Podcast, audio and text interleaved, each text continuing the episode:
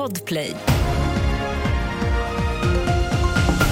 Och vi börjar med att berätta att flera personer har skadats svårt i en arbetsplatsolycka i Sundbyberg norr om Stockholm där en bygghiss rasat.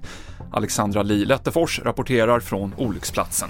Det är väldigt mycket resurser på plats, både från räddningstjänstens del, vi har sett eh, ambulanser och sjukvårdare på plats och polis på plats. Och såklart väldigt många oroliga i området också som undrar vad det är som har hänt. Det är ju ett eh, nybyggt kvarter som man håller på att bygga där det skulle vara en 13 våningar eh, hög byggnad och där någonstans så ska en hissolycka alltså ha inträffat och den här hissen ska ha fallit uppemot 20 meter och 4 till 5 personer ombord är det de uppgifterna vi har i detta nu och skadeläget ska vara allvarligt för dem.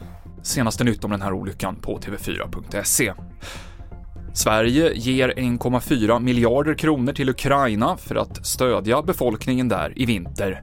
Pengarna ska främst gå till el, värme, skyddsrum och sjukvård enligt regeringen och pengarna tas ur biståndsbudgeten.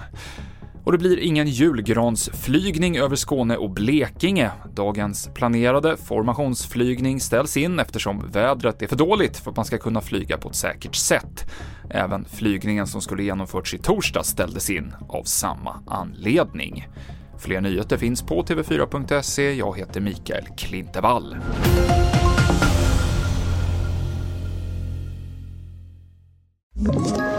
Ett poddtips från Podplay.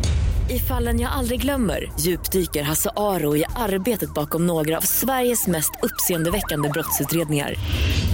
Går vi in med hemlig telefonavlyssning och, och då upplever vi att vi får en total förändring av hans beteende. Vad är det som händer nu? Vem är det som läcker? Och så säger han att jag är kriminell, jag har varit kriminell i hela mitt liv men att mörda ett barn, där går min gräns. Nya säsongen av Fallen jag aldrig glömmer på Podplay.